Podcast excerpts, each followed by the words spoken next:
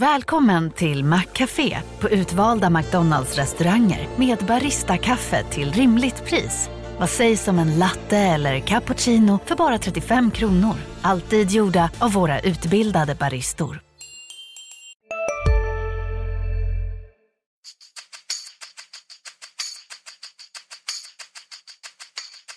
Ja, mycket, mycket snack om det här inhoppet. Det är svårt att förbereda sig. Va? Så att, det, det är mycket känslor som väller över. När jag kommer hem ska vi fixa allt det där.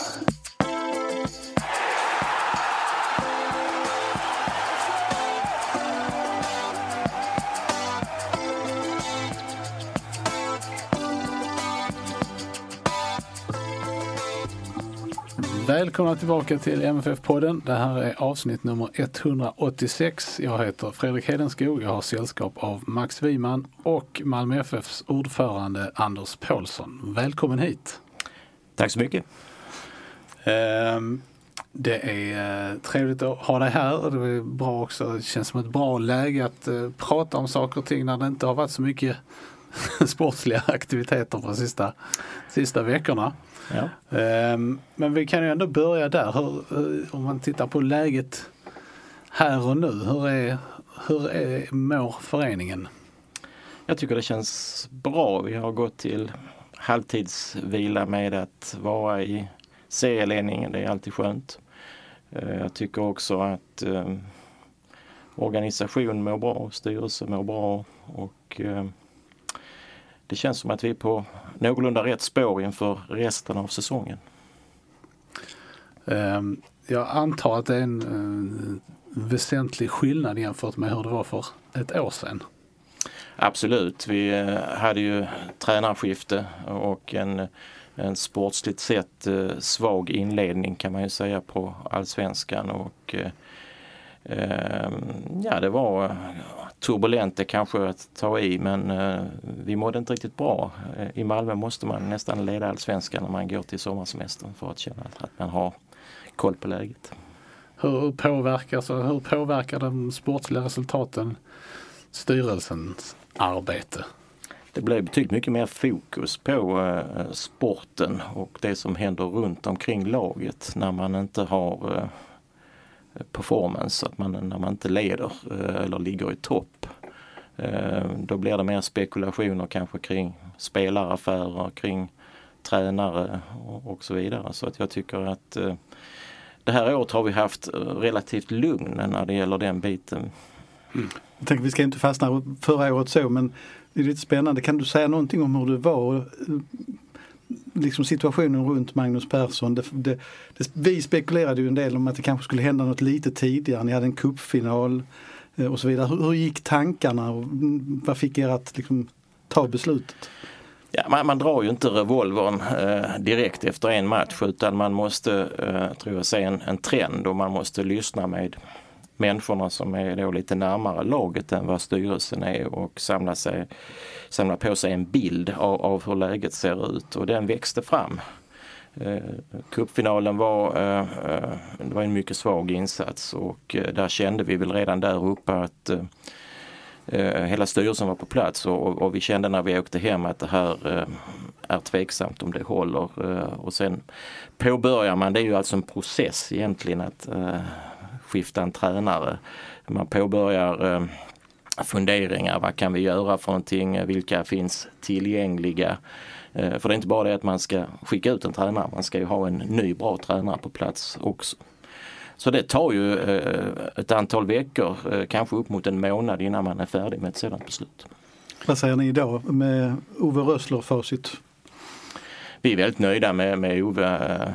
Han eh, har ju gjort, eh, gjorde först och främst tycker jag en, en, väldigt fin insats i fjol när han eh, kom och han är en mycket noggrann principfast herre och han har ju tagit lag tidigare från relativt dåliga positioner upp till bra positioner. Sen har han då haft ett track record där år två kanske har varit mindre, mindre bra men, men än så länge så ser vi inga tecken på det utan vi tycker det ser fint ut. Det var väl cupmatcherna där? Ja, det är klart att eh, de, de kom lite olyckligt för oss. eh, Och nästa år tror jag att vi gör eh, en annan satsning på cupen. Ja. Skrattar att det har varit många år. Ja, det är 89 var Ja, det är 30, 30 år år. Ja, vi har sagt det några gånger men jag känner någonstans att vi, vi ska ha ett rejält samtal med sportledningen kring, kring just kuppen.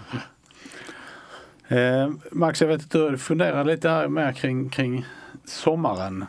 Eh, du hade lite tankar som du ville förmedla, eller rättare sagt frågor att ställa. Eh, du, får, du får formulera det själv. Ja, nej, men det är så. Det är ju en, en, en intensiv sommar som väntar. Det är, kan vara 17 matcher på 64 dagar om allt går som Malmö FF vill. Eh, Och det är klart att man funderar lite grann kring truppen och hur allting ser ut. Eh, Ni är ju en lite annan sits nu även om ni inte kan mäta med de stora i Europa på något sätt. Men kan, kan ni vara lite tuffare mot omgivningen när det börjar ryckas i spelarna?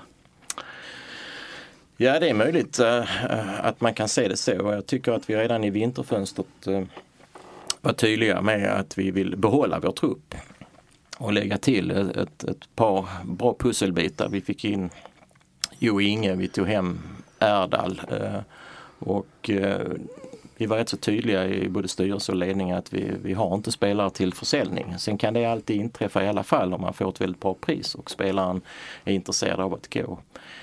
Eh, jag tror vi fortsätter på, på den vägen här i sommarfönstret också. Det finns alltid intressen naturligtvis från agenter men eh, mer eller mindre seriösa och vi, vi kan inte beakta allt.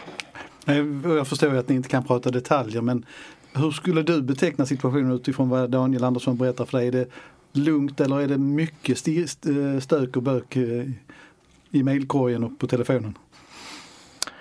Nej, lugnt kanske inte vi ska betrakta det som för det är ett sommarfönster och det är, eh, sommarfönstret är mer intensivt än, än vad vinterfönstret är. Men, men eh, det finns ett lugn, eh, dels hos personerna som hanterar detta men också att vi har lugn i, i, i vår trupp. Alltså vi har väldigt förnuftiga och kloka killar här och de tror jag uppskattar att vara i Malmö FF och den utmaning som vi också har framför oss här nu både i Allsvenskan och i Europa. Och av de spelarna som, som finns i truppen här hemma just nu så jag har ju inte undvikit dig säkert heller att Anders Christiansens namn har figurerat igen. Och det, det är klart det kan kännas lite hoppet nu här att han far in och ut men kan du säga någonting om hur, hur du upplever hans eh, tankar och, och läge?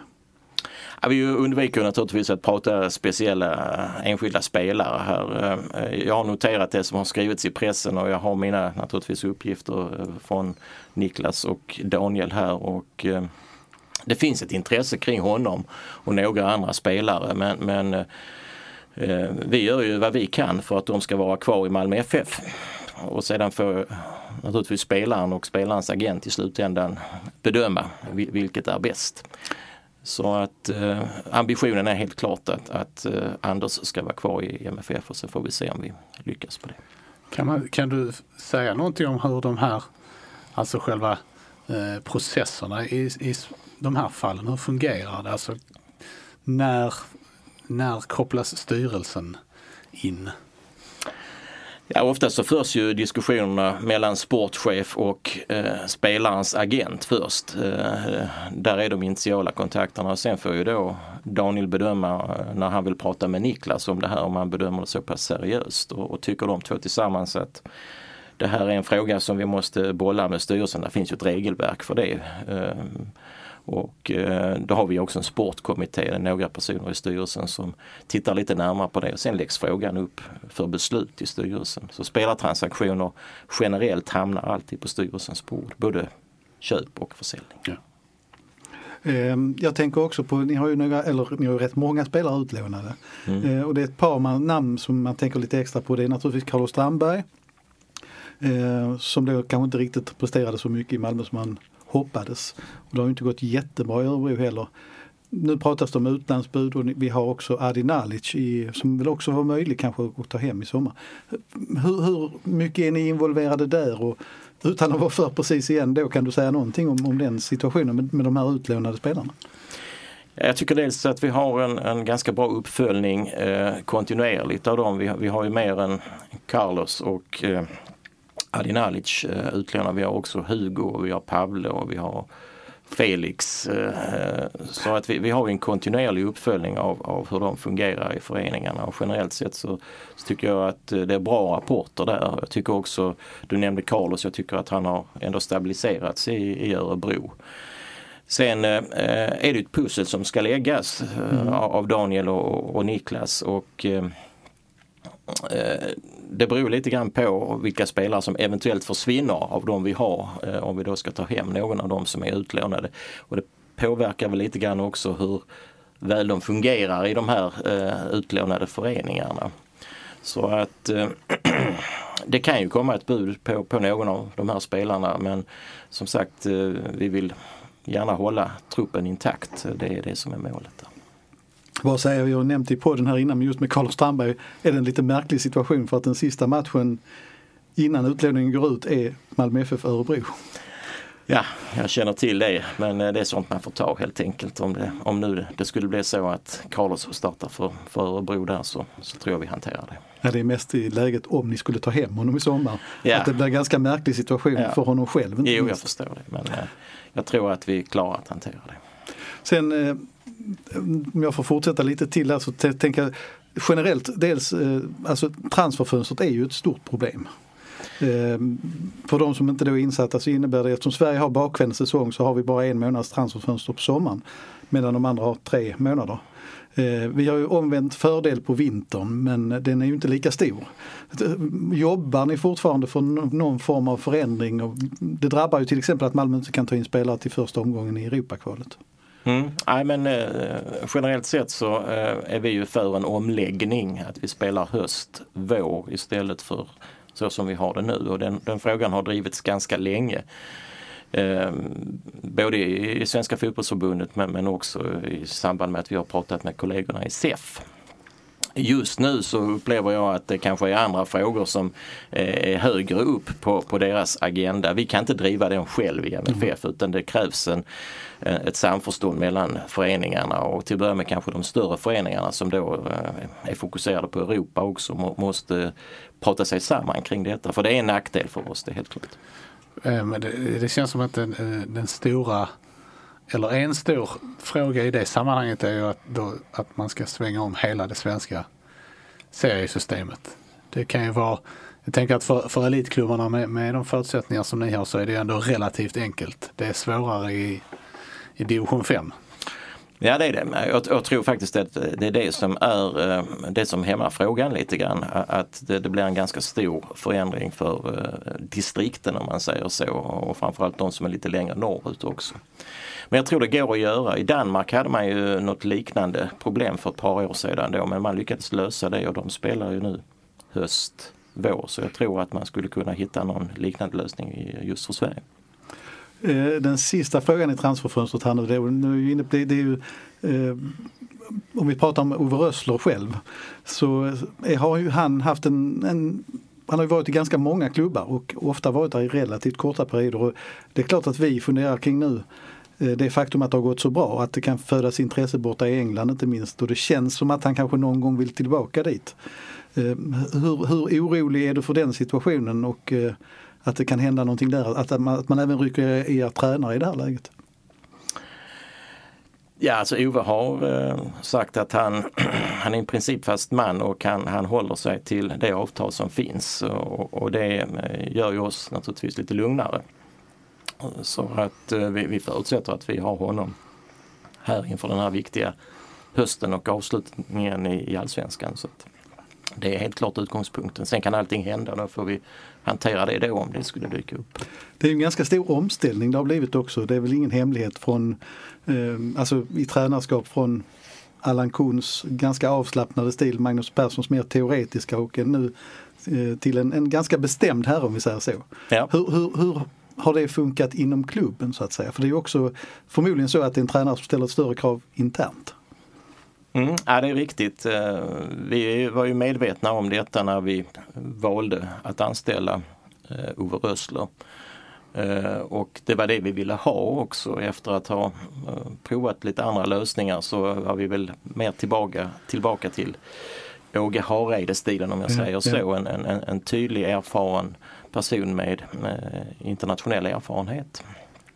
Och jag tycker organisationen runt Ove gör ett fantastiskt jobb därför att de, de anpassar sig eh, till mycket stor del till, till den huvudtränare som vi har. De är lojala och eh, ställer upp ganska bra. Men det är ju viktigt att eh, emellanåt när man eh, har det ledarskapet som, som Ove har så måste man stanna upp och lyssna på föreningen. Jag upplever att han, han gör det. Nu har vi ju Eh, Rob Kelly också i organisationen som är lite grann förbindelselänk kan man säga och har eh, örat mot rälsen. Så det, det är ju ganska viktigt i de här situationerna. På, eh, på båda håll? Eller är det... Ja, på Eller båda pratar håll. du Men det, det båda, nej men alltså det, det gäller ju på båda hållen. Både att se till att fånga upp det som sägs och tycks i organisationen och, och på ett strukturerat och bra sätt eh, förmedla det till, till Ove. Nu är det inte så att han är, liksom lever helt isolerad utan han tar säkert in signalerna. Men jag tror att det kan vara bra med en person som har känt Ove tidigare också innan man kom till Malmö. Att, att eh, stå nära honom och eh, Rob har ju en lite annorlunda profil än vad Ove har och det var också en mening med den rekryteringen. Att det skulle vara på det viset. Ja, det är intressant för att eh, Åge eh, han var ju också en man som kunde säga ifrån så det eh, bågnade höll jag på att säga i huset. Ja. Men, men eh, det är väl också så att, att eh, Ove Rössler har ju en bra position just nu eftersom han har resultaten med sig. Så är det. Det Jag är tror svårt att att säga emot. resultaten är väl nästan allt skulle jag vilja säga här. Eh, Har man dem med sig så kan man vara lite mer tillåtande också tror jag. Ehm, jag tänkte nu att vi skulle backa lite i, i tiden. Ehm, eh, och till det som, som, i, som ju måste ha varit en ganska jobbig eh, vinter för, för er eh, i och med Håkan Jeppssons bortgång. Eh, du kom ju in i styrelsen under hans första ordförandeår. Eh, eh Så jag tänker att, att um, ditt styrelsearbete var ju liksom ändå, måste ha varit ganska intimt förknippat med Håkan Jeppssons ordförandeskap så långt. Um, hur tacklade du det här beskedet när det kom? Ja det var ju ett chockartat eh, besked som vi fick naturligtvis. Jag var inte hemma utan eh, fick det när jag var på resande fot och det, eh, världen stannar ju upp när man får ett sådant besked och sen Eh, fick vi ju samlas väldigt snabbt eh, på några timmar och eh, det är klart att eh, man försöker vara rationell i, i, i den svåra situationen. Man måste fatta ett antal beslut eh, och man måste göra det väldigt snabbt och de får inte bli fel. Eh, så att det, det är ju det som är pressen kan man säga. Men nu har vi ju en, en bra styrelse som känner varandra ganska väl sedan många år och eh, vi kom relativt snabbt eh, fram till hur vi skulle hantera den situationen.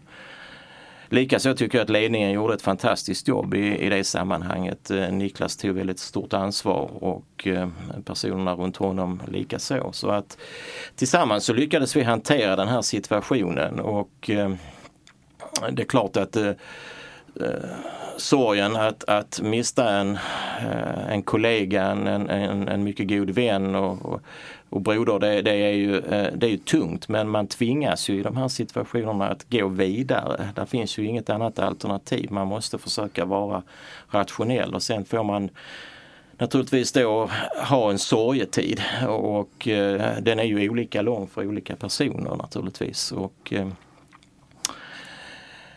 vi spelar ju också en viktig match nere i Turkiet då mot Besiktas så det blev tror jag en, en injektion glädje eh, att vi lyckades ta oss vidare därifrån och vi fick eh, lite hopp och sen hade vi då naturligtvis jul och nyårshelg också där folk fick tänka på lite andra saker.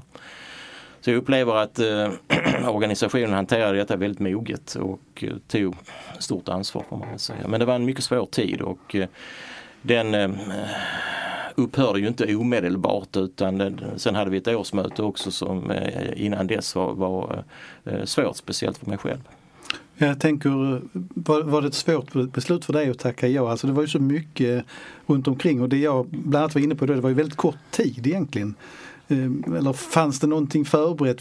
Fanns, fanns det tankar på hur länge Håkan skulle sitta som ordförande? Inte vad jag känner till. Han, Så- så ni hade liksom vi inte- hade, hade inte några sådana diskussioner. Det är möjligt att han hade det med valberedningen men, men ingenting som jag känner till. Men hur var det för dig just att, att allting gick så väldigt snabbt som det blev? För det är ett Ja. ganska stort beslut att bli ordförande i Malmö FF eftersom oftast är det ganska länge. Ja, eh, ja men spontant när vi hamnade i, i de första dagarna i den här svåra situationen så eh, då kände jag att jag ville ställa upp för föreningen. Jag har varit med länge, 49 år har jag i föreningen och jag tycker jag känner föreningen ganska väl. Eh, så att då kände jag att jag gärna ville bidra och ta ansvar för, för den situationen. Sen är det andra ett mer långsiktigt beslut och det, det får man ju tänka igenom eh, då. Jag, jag hade en diskussion med dels styrelsekollegor och eh, valberedningen och när jag hade lyssnat på det ett tag så kändes det eh, rätt för mig att eh, vara kandidat till årsmötet för ordförandeposten. Jag tänker också vi kanske bara ska nämna, du har lite mer information om vad som hände Håkan. Som Ja, den- kan vara bra för lyssnarna att kanske få del av. Den informationen eh, som jag har fått är att Håkan gick bort av ett medfött hjärtfel. Eh, Det är det som har lämnats eh, till oss eh, från familjens sida. Jag tycker det är viktigt att, att påpeka att det, det är så fallet var. Ehm, hur, hur blev fortsättningen sen när arbetet började? Liksom, vad, vad, vad, var det ni, vad var viktigt för er att ta tag i under våren? här? Vi har en, eh, en standardagenda sedan ganska många år vad styrelsearbetet ska innehålla och eh, när de olika punkterna ska komma upp. Det vi möjligtvis har lagt lite mer tid på i vår är eh, framtidsfrågorna. Vi har haft en extra strategidag där vi har diskuterat hur ser MFF ut om fem år. Eh, och där finns ju lite olika scenarier för det naturligtvis. Den stora frågan är nog Eh, hur förändras Europa? Det kommer att förändras ganska mycket. Eh, det diskuteras om vi får ytterligare en stor Europacup. Eh, att vi går från två till tre. Hur kommer intäkterna att se ut framöver? Och det är väldigt viktigt för oss att förstå intäktsströmmarna. Vi har idag en omsättning kan man säga i basverksamheten utan Europa och utan spelarförsäljningar kring 200 miljoner. Men vi behöver vara en bit över 300 miljoner för att eh, vi ska långsiktigt eh, kunna klara den verksamheten vi har, att kunna växa, att kunna utveckla den. Så det är ganska viktigt för oss att begripa eh, vilka möjligheter vi har framöver i, Europa. Vad, vad såg ni där? I, för, kan du öppna lite mer på luckan till framtiden? Ja, det är viktigt att säga att det är inga beslut tagna än så länge utan det är, det är lite informationer från olika håll som man kan samla ihop. Och eh, ganska mycket av detta får vi ju när vi spelar mot eh, klubbar i Champions League, Europe League, eh, när vi benchmarkar mot dem. Eh, det är också en, en, en bra källa för att hämta in information. Och det som eh, kommer fram där det, det är ju att eh, ytterligare en Europacup ger ju eh, naturligtvis fler möjligheter för Malmö FF. Det blir svårare för oss förmodligen att ta oss till Champions League, det känner vi till redan idag. Eh, vi är idag en så kallad Tier 3 klubb och vill gärna komma upp i nästa nivå, eh, Tier 2 och eh, det är ett ganska stort steg faktiskt. Vi tycker att vi har jättefin ekonomi i Malmö FF. Det har vi enligt svenska mått mätt men vi är fortfarande en ganska liten aktör eh, internationellt. Eh, så att man får fortfarande vara ganska försiktig med pengarna när man gör investeringar. Man kan inte blåsa på och, och köra som någon Premier League-klubb eller något liknande utan vi, vi ska förstå var vi befinner oss i näringskedjan. Jag ska återkoppla till någonting som du sa på årsmötet. Eh, som tangerar det som du precis har pratat om här. Eh, då sa du att vi ska vårda vår kassa i kombination med att göra medvetna satsningar. Kan, man, kan man konkretisera det? Ja, alltså medvetna satsningar. Eh, jag tycker vi har gjort en del av det redan i år. Vi förstärker stadion till exempel, vår hemmaborg. Eh, det är ny gräsmatta, det är nya stolar, eh, det är nya bildskärmar, storbildsskärmar, det, det talas om ljudanläggningar. Eh, vi går in och gör en satsning på restaurang, kioskverksamheten. Naturligtvis den stora satsningen är väl egentligen i vår spelartrupp. Den har väl aldrig egentligen varit så dyr som den är just nu och det får man se som en investering för steg egentligen för att anpassa sig till Europa om ett par år. Så det är medvetna satsningar där. Samtidigt så följer vi naturligtvis vår kassa väldigt noga. Eh, vi hade 218 miljoner tror jag vid årsskiftet och, och den är ju naturligtvis lite lägre nu efter de här satsningarna men där är utrymme för att, att, att den ska kunna vara så. Vi är ju ingen bank som bara ska samla pengar på, på kontot så att säga. Jag säga, en liten nördfråga här nu, men du, du nämnde stolarna på stadion. Ska man byta samtliga stolar där inne? Nej, jag tror vi har hittat ett annat alternativ. Det hade blivit alldeles för dyrt. Men har ni inte någon tillverkare som ni skulle kunna ställa mot väggen? Alltså för den som inte har varit där så är det så att stolarna på tio år har ja, förändrat färg fullständigt. Ja framförallt färgar de ju. Ja, alltså man, man kan det, man skada sina där. kläder. Sådär. Så att, eh, vi kommer inte byta alla utan det, det görs en översyn och de som eh, behövs repareras kommer att repareras. Vi har hittat en bra leverantör för det. Och eh, det har redan påbörjats. Blir de ljusblå igen? Ja det blir de. Det, det, det, är, lugnt, det är lugnt. Bortre långsidan var det ju ett MFF-märke om jag minns rätt. Eh, som inte längre syns överhuvudtaget. Men där finns ett sådant nu igen om man tittar på, på bort och långsidan så kan man se ett MFF-märke. Det är spännande här efter sommaren. ja, det var lite nördigt där kanske. Ja, det var ju mest, eh, det var ju mer mörkvitt allting. mörkvitt, ja. Bengt Grive. Eh, du, du pratar mycket om Europa och Europa är ju, tycker jag också väldigt viktigt. I, så att säga. Har, har Europa blivit viktigare även om naturligtvis att vinna allsvenskan är en väg dit så att säga. Men är, är, har Europa blivit? Ja, alltså jag tror inte vi kompromissar med att vi, eh, vi måste vinna allsvenskan. Det är fortfarande ett väldigt tydligt mål. Men, men till detta så, så, har vi då lagt att vi vill nå Europagruppspel. Och det är väl just den ekonomiska dimensionen där som är så viktig för oss, de pengarna som kan genereras. Sen kanske inte man klarar det varje år. Men, men det är helt klart vår ambition att nå Europagruppspel eh, i höst till exempel då i Europe League. Um, jag tänkte fråga, jag hade en uh, som jag skulle skjutit in innan men jag gör det nu istället uh, när um, Max frågade om um, om ordförandeuppdraget. Uh, för det är ju precis som du säger här Max och som säkert alla vet att Malmö FFs tidigare ordföranden har suttit väldigt länge. Erik Persson kanske är svår att jämföra med men han satt ju i 37 år. Eh, Hans Cavalli Björkman 23 och Bengt Madsen i 10. Eh, Håkan Jeppsson hade suttit i 8 när han gick bort och hade väl säkert fortsatt ett tag till. Om, om du själv fick bestämma och då under förutsättning att, att eh, årsmötet eh, fortsätter att välja dig. Hur långt, liksom, hur långt fram ser du ett ordförandeskap? Nej, men jag har inte riktigt eh, sett det så jag tror inte man kan jämföra med, med Erik och Hans för det var en annan tid. Eh, och eh, MFF ser väldigt annorlunda ut idag än, än, hur det var på den tiden. Vi är ett företag kan man säga. Vi drivs och styrs som ett företag. Och eh, eh Tittar man möjligtvis på trenden under de här eh, åren så, så, går den ju neråt. Ju. Ja. Det, det får man ju konstatera.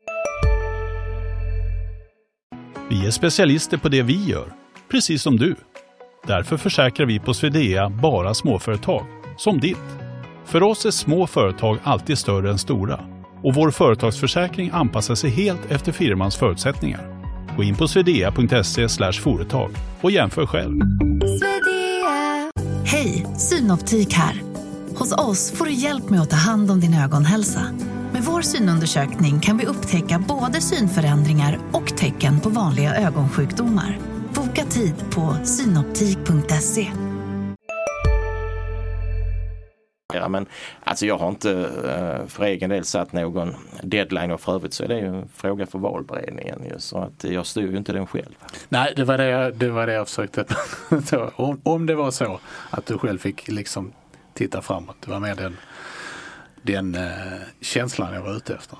Ja alla känner ju inte dig så väl även om du blev presenterad i samband med att du tog över så att säga. Kan du berätta lite mer om din bakgrund, framförallt Malmö FF bakgrund naturligtvis? Mm. Ja, eh, jag är född i Röstånga för 61 år sedan och eh, uppväxt i, i Hör och Malmö, gått i skola i Malmö. Eh, Annebergsskolan som låg nära stadion, eller ligger nära stadionområdet. Eh, för övrigt många andra MFF-are som har gått på den skolan. Och det var väl egentligen där kanske intresset startade. Eh, man hade nära till stadion och man, man fanns där eh, när skolan var slut. Eh, jag började i MFF som 13-åring. Bertil Pode hade hand om pojklag 3 tror jag det hette vid den tiden. Jag träffade då Magnus Andersson och Mats Balja Arvidsson och, och några pågar till som jag då har ja, känt hela livet kan man väl nästan säga. Ehm, och jag eh, ja, gått gymnasie i Malmö, eh, student i Malmö och eh, sedan civilekonom från Lunds universitet. Civilt gift sedan 35 år, två, två barn, fyra barnbarn. Det är nu du måste lägga till med samma fru. Men, ja, det är faktiskt med samma fru det också. Gift med Kerstin. Eh, och eh, eh sedan har jag då arbetat i skånskt internationellt näringsliv. Gambo på 80-talet. Eh, Trelleborgskoncernen på 90-talet. Jag var chef för däckverksamheten och sen blev det PLM Rexam. Jag var ansvarig för burkfabrikerna, Fosie är en av dem. Eh, en tid i eh, koncernledningen på E.ON Sydkraft och sen blev det då Hilding Anders tio år nästan som VD och koncernchef. Eh, och under den tiden så började jag också arbeta med eh, styrelseuppdrag och eh, efter Hilling Anders så höll jag på två år med, med att vara eh, rådgivare till ett stort internationellt riskkapitalbolag som heter Investcorp som också var ägare i Hilling Anders och sen ett antal börsnoterade eh, uppdrag också. Du, du sa du började i Malmö FF när du var 13. Hur länge varade karriären där och hur Den, fortsatte kontakten? Ja. Blev det ståplats eller sittplats? Eller? Nej, inledningsvis var det ståplats eh, kan man väl säga. Det var det rätt så länge. Jag slutade i MFF som, som U-spelare 20 år gammal. Jag tror jag gjorde 205 matcher i, i, i MFF som U-spelare. Sen fortsatte jag eh, några år därefter med eh, att vara uttränare. Jag gick steg ett och steg två biten och eh, var ivrigt påhejad av Inge Blomberg att engagera mig i, i, U-sidan och jag hade bland annat äh, U16-laget som var ganska framgångsrikt. Det fanns en målvakt där i det laget som hette Johnny Fedel som jag äh, kämpade med på den tiden.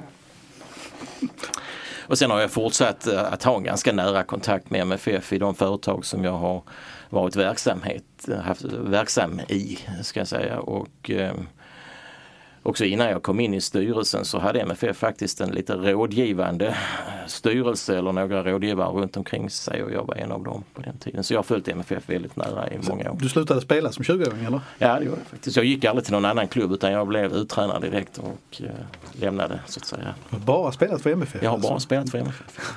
Har du eh, sysslat med några andra idrotter? Alltså jag är ju eh, allätare när det gäller idrott kan man säga. Det, det har blivit eh, på vintern kanske lite, eh, lite badminton och sådana här saker. Jag åker skidor och, och, och springer i skogen och tycker sånt är trevligt helt enkelt. Men inte professionellt, ingenting annat. Hur, eh, jag tänker på, på alla de här um, styrelserna som du då har suttit i. Alltså hur skiljer, även om MFF idag är ett företag så, så måste det ändå finnas en skillnad mellan, mellan eh, bolag och förening. Ja, dels är det ett, eh, ett, regelverk som är annorlunda naturligtvis. Eh, ideell förening är annorlunda än, än ett aktiebolag. Men vi har ju också aktiebolag i vår struktur under den ideella föreningen. Men kanske inte så stor skillnad som man ändå tror. Eh, det är en, en viss struktur på ett styrelsearbete och Eh, vi styr ju MFFs styrelsearbete egentligen på samma sätt som i, i ett, vilket företag som helst, eh, i ett noterat bolag. Eh, så att det är inga, inte jättestora skillnader. Verksamheten är naturligtvis, vi är i underhållningsbranschen kan man väl säga och det är klart att den skiljer sig från om vi nu tar möbelbranschen där jag har min, min verksamhet. Men, men det är väldigt mycket i strukturen som ser likadant ut. Är det, har det med, med de ekonomiska nivåerna att göra eller är det? Ja det har dels med, med, med, med det att göra. Att, att eh, det, det görs månadsbokslut och, och prognoser och, och budget och strategiplaner och, och så vidare. Det där är organisationsutveckling och marknadsutveckling och vi har, vi kan ju säga att vi i Malmö FF har en produktionssida också som producerar alla våra event och, och den ser naturligtvis då, den är unik för den här branschen men, men det finns också produktion i, i övriga företag och sen handlar ju ganska mycket om hur man, ska vi kalla det för, ökar värdet på, på verksamheten på olika sätt. Och, och, eh, strategierna och teorierna kring det de är inte sådär väldigt olika egentligen. Jag tänker, eh, det, det, det finns ju några frågor som har varit brinnande under våren här som man kanske kunde ta lite grann. Eh, en sak som vi pratade om i vintras redan om vi tar det generella det är ju att du var lite eller rätt så oroad över publikutvecklingen eh, under förra året. Nu tittar man på siffrorna så ligger den ungefär på samma nivå men det har kanske sett gl känts glesare på läktarna. Eh, hur, hur, ser du på den situationen? Måste ni, har ni blivit för självspelande? Det här var ju en trend eh, 2018 som gällde hela allsvenskan, inte bara Malmö FF. Eh, en ganska kraftig sättning jämfört med 2017 då. Jag tror att vi gick ner från 18 till ungefär 15 000. Alltså, och, då, och då ska man kanske komma ihåg att 2017 med 18 000 då, det var ett toppår om man tittar på lite längre sikt. Men det är klart att vi oroades utav detta. Eh, vi kom ju då i mål med ungefär 15 000 i fjol och så här långt i år så jag tittade faktiskt på det här eh, för några dagar sedan. Då jag tror att vi hade 105 000 så här långt i år jämfört med 103 000 mm. i fjol. Så det är en liten ökning i år. Eh, men, men, men då från en låg nivå. Och eh, det man får väga in här det är vilka motståndare har vi haft? Har vi haft publikmatcher? Och då känner jag ändå viss förtröstan när jag ser att vi ska möta AIK och Djurgården Norrköping, Göteborg, HIF hemma här. Och det brukar vara hyfsat bra publikmatcher.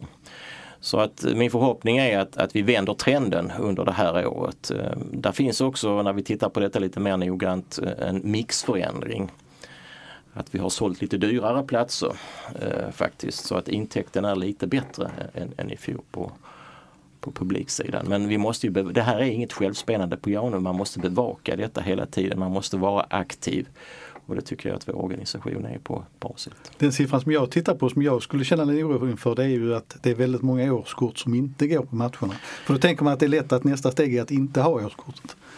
Ja, alltså det är ju en skillnad mellan eh, sålda biljetter och de som faktiskt kommer till matchen och det varierar lite grann det har varit uppe på nästan 4-5 tusen på ett par matcher här. Ett, ja, AFC tror jag var den, den största. Uh, där hade vi en rätt så stor skillnad faktiskt. Uh, det är beroende på, på väder och andra aktiviteter som, som naturligtvis konkurrerar med, med vår aktivitet. Men, men uh, frågan är, är definitivt på bordet för ledningen och, och också för styrelsen. Vi följer upp detta och jag tycker att vi är aktiva eh, inför matcherna och försöker göra det bästa möjliga av detta. Men helt klart en fråga som vi ska ha under lupp. Och jag tänker då också på den andra delen då av det som har varit hett med supporterkulturens eh, fight med polisen framförallt kanske det har blivit. Eh, om vi ska förenkla det väldigt mycket. Hur, hur, vad kan du säga om trots allt MFFs styrelse och förenings syn på det hela? Ja, till att börja med så tycker vi ju att eh, vi har en bra stämning på, på Malmö stadion. Eh, vi tycker att vi har en, en publik som ligger i absolut Europatoppklass. Det tror jag vi har förmedlat ganska många gånger. Det finns ett antal personer, ett fåtal personer som eh, tyvärr då utmärker sig i negativ bemärkelse med eh, illegal eh, pyroteknik. Eh, vi försöker stävja detta med de verktyg som vi har i vår låda. Då är det ju framförallt arrangörsförbud eh, som gäller och tillträdesförbud tillträdesförbud det är åklagare och polis som hanterar det. Och vi har haft cirka ett 20-tal personer avseende. Det varierar lite grann men, men så många har vi lyckats fånga. Och då har de inte tillträde till arenan på ja, upp till kanske 36 månader och är det illa så är de också uteslutna ur Malmö FF som förening. Så det är de eh, metoder som finns. Sen kan man jobba förebyggande naturligtvis också. Och, eh, eh, det försöker vi göra. Vi blev tagna lite grann på sängen av eh, polisens tillämpning av, av det regelverk som, som finns eh, och vi tyckte kanske att kommunikation och samförstånd kunde varit lite bättre inledningsvis. Eh, och det har ju Niklas framförallt och ledningen jobbat eh, jättemycket med och jag tycker vi har en bättre diskussion nu. Sen har det då Eh, tillkommit en, en, diskussion kring Björn Erikssons eh, position. Eh, jag har fått ganska många mejl från våra medlemmar kring detta och eh, här har styrelsen i Malmö FF agerat. Vi har, dels har jag pratat med Lars-Christer Nilsson, som, Lars-Christer Olsson som är ordförande i SEF och eh, eh, efterhört lite grann vilka initiativ vi kan göra gemensamt här och sen har vi också haft eh, en diskussion med Svenska fotbollsförbundet. Jag har skrivit ett brev till Karl-Erik Nilsson och fått svaret att eh, Svenska fotbollsförbundet kommer att följa vårt råd att eh, en oberoende utredning i RF angående Björn Eriksson ska göras. Och visar det sig då att eh, den utfaller negativt, ja men då, då får ju naturligtvis frågan kring hans position också övervägas. Men det är alltså Svenska fotbollsförbundet som ska hantera det och vi fungerar som påtryckningsmedel i det här sammanhanget. Om du skulle svara idag, tycker du att han bör avgå?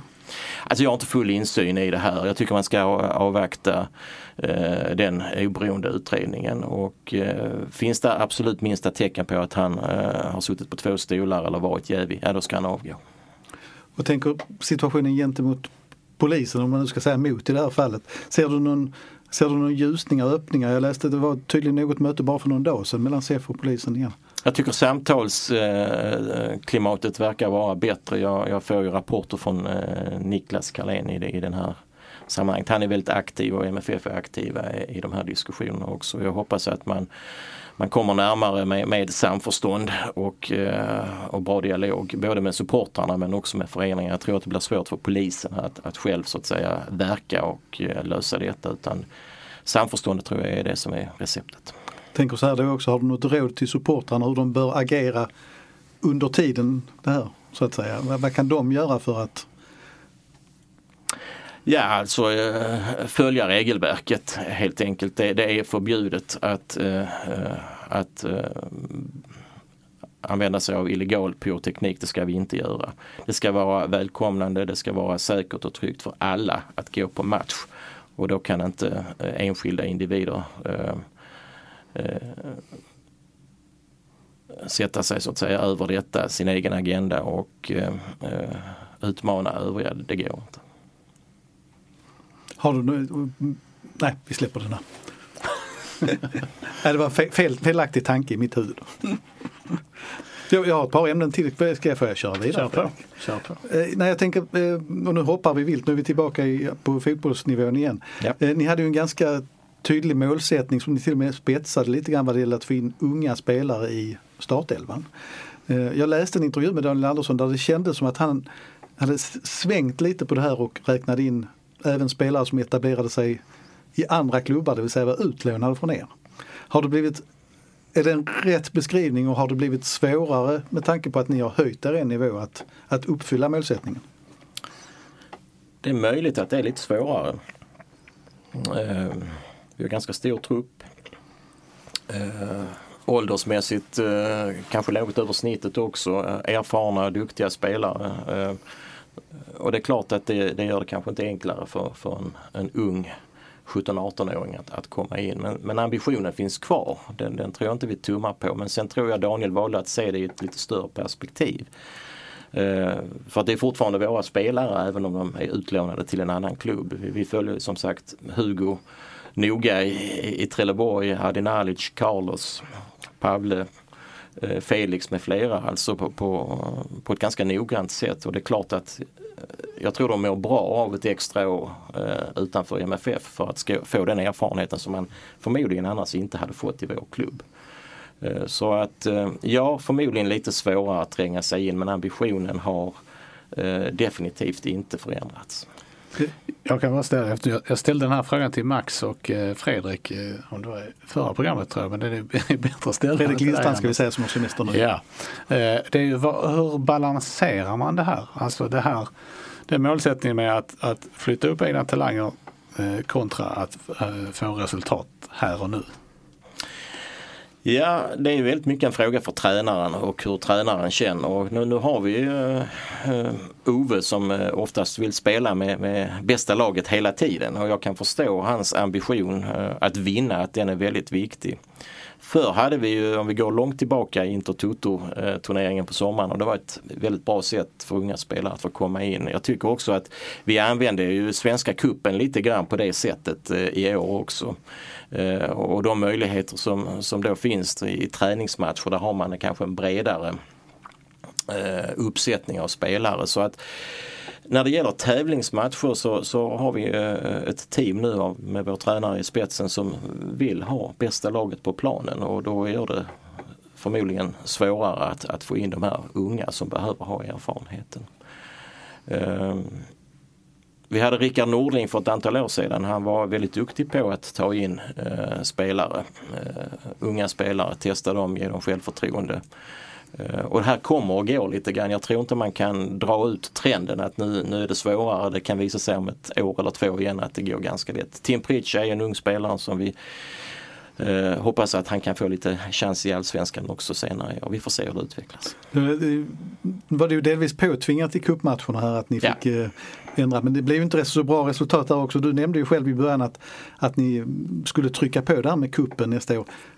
Handlar det om att faktiskt att man måste se de matcherna lika mycket som tävlingsmatcher och eh, ha bästa laget på plan? Ja, jag tror faktiskt det. det att man, man, eh, det innebär förmodligen lite mindre experimenterande om jag uttrycker mig så. Utan eh, vill man vinna kuppen, ja men då får man nog räkna med att man kör med bästa laget också i de matcherna helt enkelt. För det känns ju som att det också handlar i väldigt stor utsträckning om, om inställning i det fallet. Man kan ju misstänka att de unga som får chansen i kuppen ändå går 100 procent medan de som eh, känner sig lite mer etablerade kanske fuskar lite här och där. Ja. Så såg det ut när man tittade på det i alla fall. Tänker du på Östermatchen kanske? Eller? Nej men det låg lite olyckligt för oss i år med, med Chelsea-matcherna. Men jag tror inte det är något fel på inställningen. Alla vill gå in och vinna, det kan jag garantera. Jag har ju en eh, fråga som jag brinner för som finns kvar som vi inte har pratat om. Eh, det pågår ett VM nu, jag vet inte om du hinner titta någonting på det? Jo då, jag tittar på dam-VM från Frankrike, absolut. Eh, det är ju så att målvakten som räddade straffen och tog Sverige vidare har spelat i Malmö FF. Hedvig Lindahl. Ja. Eh, och den möjligheten finns inte idag. Och det, jag upplever det som att det går ganska knackigt med den här eh, faktiskt årsmötesbeslutade flicksatsningen. Eh, kan du utveckla lite grann tankarna och hur ni resonerar och eh, om ni tar det på tillräckligt stort allvar och kanske har en strategi för hur det verkligen ska bli?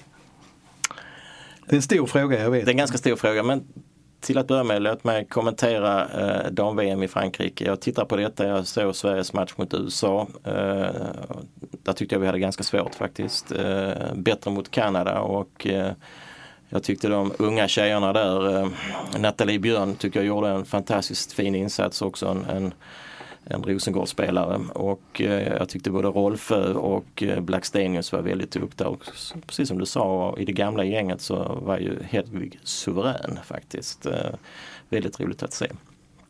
När vi kommer till MFF så har årsmötet tagit ett beslut eh, att vi ska starta flickverksamhet och eh, du nämnde att den går knackigt. Ja det gör den. Det kan vi konstatera. Vi hade tro på det i fjol höstas. Eh, jag tror vi hade 17 tjejer inne då. Eh, det är färre tjejer idag. Och det har då föranlett eh, både ledning och styrelse att reflektera över den här frågan. Jag tror inte personligen att vi når vår målsättning med att skapa flicklag i varje åldersklass med, med den eh, satsningen som vi gör nu. Det får vi nog konstatera att det blir väldigt svårt. Av den anledningen så har styrelse och ledning eh, diskuterat detta ganska intensivt under vårsidan. Och eh, då kan man ju tänka sig, ska man eh, satsa ännu mer pengar och medel och resurser på att förbättra rekryteringen. Den är svår, inte bara för Malmö FF. Eh, eh, eller ska man börja tänka utanför boxen att vi får göra någonting annat. Och det är den diskussionen som, som pågår just nu och eh, nu ska jag inte föregripa den. Eh, men jag räknar med att vi kommer med ett besked till våra medlemmar under hösten, allra senast till årsmötet nästa år. Och då känner jag att det kan bara tolkas som att det måste vara ett samarbete med en annan Malmöklubb? Ja, jag ska inte peka ut eh, lösningen nu men vi, vi tittar ganska brett på, på hur de samarbetena skulle kunna se ut. Mm. Men det är en möjlig variant? Att, Ja, vi, vi utesluter ingenting på, på den här tidpunkten. Det är, jag, för, för, jag tror själv att det är den vägen man måste gå, att, att lösa det den. Eh, sen tror jag att tradition och, vad ska man säga, kanske ändå Malmö FF har så mycket annat att tänka på så att man kanske inte riktigt har fokuserat på det här. Det finns faktiskt ett exempel eh, alldeles färskt nu där man ute på Rosengård har dragit igång tjejverksamhet under lite enklare former. Eh, och varit uppe i 80 unga tjejer som spelar och eh, stabiliserat sig runt 50. Och det har ju berott på att man har varit väldigt mycket ute på skolor och så vidare och jobbat stenhårt med det här. Eh, så att och det, där förstår jag att du menar att det, det tar mycket resurser men om man skulle bygga någonting på egen hand så skulle det nog krävas den typen av insats, alltså att jobba mycket hårdare. Jag tror att eh, det exemplet som du tar från Rosengård, eh, något liknande finns från LB07 tror jag. De har också en, en väldigt fin eh, utveckling där ute och eh, vi försöker förstå mer kring, kring detta och så får vi se helt enkelt vad det slutar med. Men eh, eh frågan ska nog sättas in i ett större perspektiv. Det handlar om värderingar. Yep. Eh, och sen naturligtvis så finns det en ekonomisk eh, dimension eh, i detta också. Det, vi får ju liksom lägga ihop alla delarna och komma till någon form av slutsats vad vi vill föreslå våra medlemmar. Men om man tänker så här det som sker i omvärlden just nu där man ser att de stora fotbollsklubbarna på olika sätt då så sent som idag läste jag att Real Madrid skulle köpa upp något nykomlingslag i Ja. högsta ligan. Att just det här med värdegrund och så vidare att, att, att vad ska man säga, att, att MFFs styrelse också har kommit till en större insikt att, att det måste finnas möjlighet för alla i framtiden att kunna spela, inte, menar jag inte alla men alltså båda könen, kunna spela i fotboll i Malmö FF och att det gentemot sponsorer och så vidare kommer att bli en viktig fråga. Ja men det, är- det är riktigt att det är en viktig fråga redan när det gäller diskussionerna med våra sponsorer. Och, eh, eh, sen tror jag att eh, Malmö FF skapar inte ett storlag även om det är samarbeten. Det gör man inte direkt så här utan jag tror vi fortfarande ska vara försiktiga och eh, bygga klokt från grunden så att vi inte tar på oss alldeles för stora ekonomiska ansvar i det här sammanhanget. Men eh, vi tittar på frågan och vi anser naturligtvis att den är viktig också och eh, att den är högt upp på vår lista för att komma med feedback till våra medlemmar. Det tycker jag lät väldigt intressant. Ja. Måste jag säga. Ja. Ehm, en, en väldigt viktig fråga som vi inte har pratat om alls är konstgräs. Jo, Vad, vad känner du för konstgräs? Nej, jag tycker vi har det väldigt bra med vår hybrid just nu det, och jag hoppas verkligen att många fler svenska klubbar går den vägen. Det är en investering naturligtvis som ska göras. Jag tror den kostar mellan 4-5 miljoner för oss men eh, Eh, den är väldigt bra och jag tycker det är den vägen man ska gå. Det är alltså miljöproblemen med plastgräset. Det har vi ju, den debatten har ju börjat nu tycker jag på, på ett lite mer seriöst sätt och jag, jag tycker det är väldigt lovvärt om man skiftar ut plastplaner mot hybrid. Är det en fråga som, som ni kan liksom driva på något sätt i SEF? Eller? Nej, det tror jag kanske inte men, eh, att den är högt på agendan där men, men eh, vi, vi talar gärna för den eh, och, och, och redovisar våra erfarenheter och där är många andra frågor på SEFs agenda. Jag tror just nu är inte den i fokus men den kanske kan bli. Ja, vi är alltid emot konstgräs, Ja, det säger vi i varje avsnitt. ständigt. Ja. Ehm, ja, Max, har du eh, fler grejer kvar på din eh, lista? Eller, eh? En fr- fråga som faktiskt dök upp i flödet nu på förmiddagen. Och det gällde er marknadsavdelning. Ja. Stämmer det att ni ska byta marknadschef igen efter bara ett par månader? Tyvärr är det så. Anders har fått ett erbjudande från ett annat företag som han har valt att acceptera. Vi ska säga Anders Börjdal. Börjdal heter han, Ja. just det. Ja. Eh, Han började alltså så sent som i Han började här för fyra månader sedan ja. Så att, eh, ty, tyvärr så blir det en omstart här. Nu har vi löst eh, eh, på det viset att eh, Anna Nordström Karlsson, då, vår eh, styrelseledamot, eh, är interim i den här rollen så att vi inte tappar tempo över sommaren för jag tänker det är en ganska viktig position där den kanske har haltat lite grann i samarbetena. Helt enig. Eh, jag tycker det är olyckligt men, man får konstatera att världen är så här ibland att, att eh, folk lämnar efter en relativt kort tid. Och, eh, vi gör allt nu för vad vi kan för att hitta en, en bra ersättare till, till Anders Bögdahl man ska inte fördjupa sig för mycket i det men när någon byter jobb så snabbt efter att ha kommit så känns det ju som att någonting inte riktigt har klickat kanske. Ja, det tror jag inte det är i det här fallet. Uh, utan det har, det har klickat men, men uh, Anders uh, har valt att acceptera ett annat erbjudande helt enkelt och det får vi ha respekt för. Då så. Ska vi till allra allra sist? Ja. Ta den sist. vi får, måste hålla traditionen vid liv. Jag räknar med att det blir mer än ett tillägg här nu. När jag har suttit ner med, genom åren med Håkan Jeppsson så har vi ändå någonstans, det är ju halvårsskifte nu här. Hur ser ekonomin ut? Vad kan du säga? Ja, eh, jag tror att vi kommer få ett, eh, ett sämre år 2019 än 2018. Du skulle säga vad landade förra året på, kommer du ihåg det? Ja, alltså vi hade ju ett, ett väldigt bra resultat i fjol, eh, knappt 50 miljoner beroende på spelarförsäljningar. Eh, och, eh, Eh, naturligtvis också Europaspelet som var väldigt bra för oss. Eh, dit kommer vi väl förmodligen inte i år. Det beror fortfarande på just de här, två, de här två eh, faktorerna. Men eh, Eh, i och med att vi har så stora satsningar från början och att vi har valt att hålla i vår spelartrupp och har en ganska dyr spelartrupp just nu så, så tror jag att eh, eh vi ska väl eh, mer sikta in oss på, på ett resultat som ligger kring plus minus noll skulle jag tro. Och det är i så fall enligt planerna. Och vi får se vad, helt enkelt vad som sker på spelarsidan och på Europasidan. Här. Men det är inga oroande tecken just nu så att säga? Nej, nej det tycker jag inte utan vi följer vår, vår plan, vår budget så att den ser bra ut eh, så här långt men, men eh, budgeten och planen den, den, är inte alls i samma nivå som, som utfallet i fjol. Nu fick jag in, nu är jag nöjd. Ja, då fick det bli slutorden för detta det 186 avsnittet av MFF-podden där vi anser att konstgräs ska förbjudas i svensk elitfotboll. Jag heter Fredrik Hedenskog, jag har haft sällskap av Max Wiman och Malmö FFs ordförande Anders Paulsson. Och ansvarig utgivare är Pia Renqvist. Tack för oss, hej hej! Hej hej! Hej!